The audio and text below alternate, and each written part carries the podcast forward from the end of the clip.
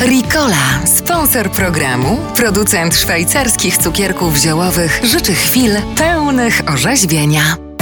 Ziołowe inspiracje w RMF Classic. W uprawie ziół, które są wykorzystywane do różnych produktów dostępnych na półkach sklepowych, ogromną rolę odgrywają naturalne metody kultywacji.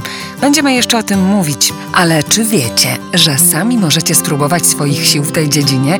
Posłuchajcie eksperta. To Michał Dewódzki, miłośnik ziół i ogrodnik. Nie trzeba mieć do tego własnego ogrodu, nie trzeba mieć do tego wielkiego tarasu naprawdę wystarczy czasem parapet e, w mieszkaniu. Słoneczny lub też taki od południowego zachodu.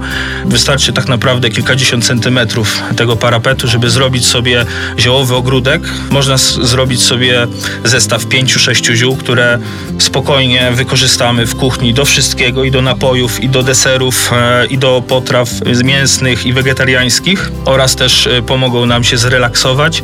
Możemy ich użyć do kąpieli, możemy użyć ich do napojów, do zimowej herbatki albo herbaty na gorące dni. W kolejnych odcinkach usłyszycie kilka praktycznych uwag na temat domowej, naturalnej uprawy ziół oraz poznacie przepisy na ich wykorzystanie.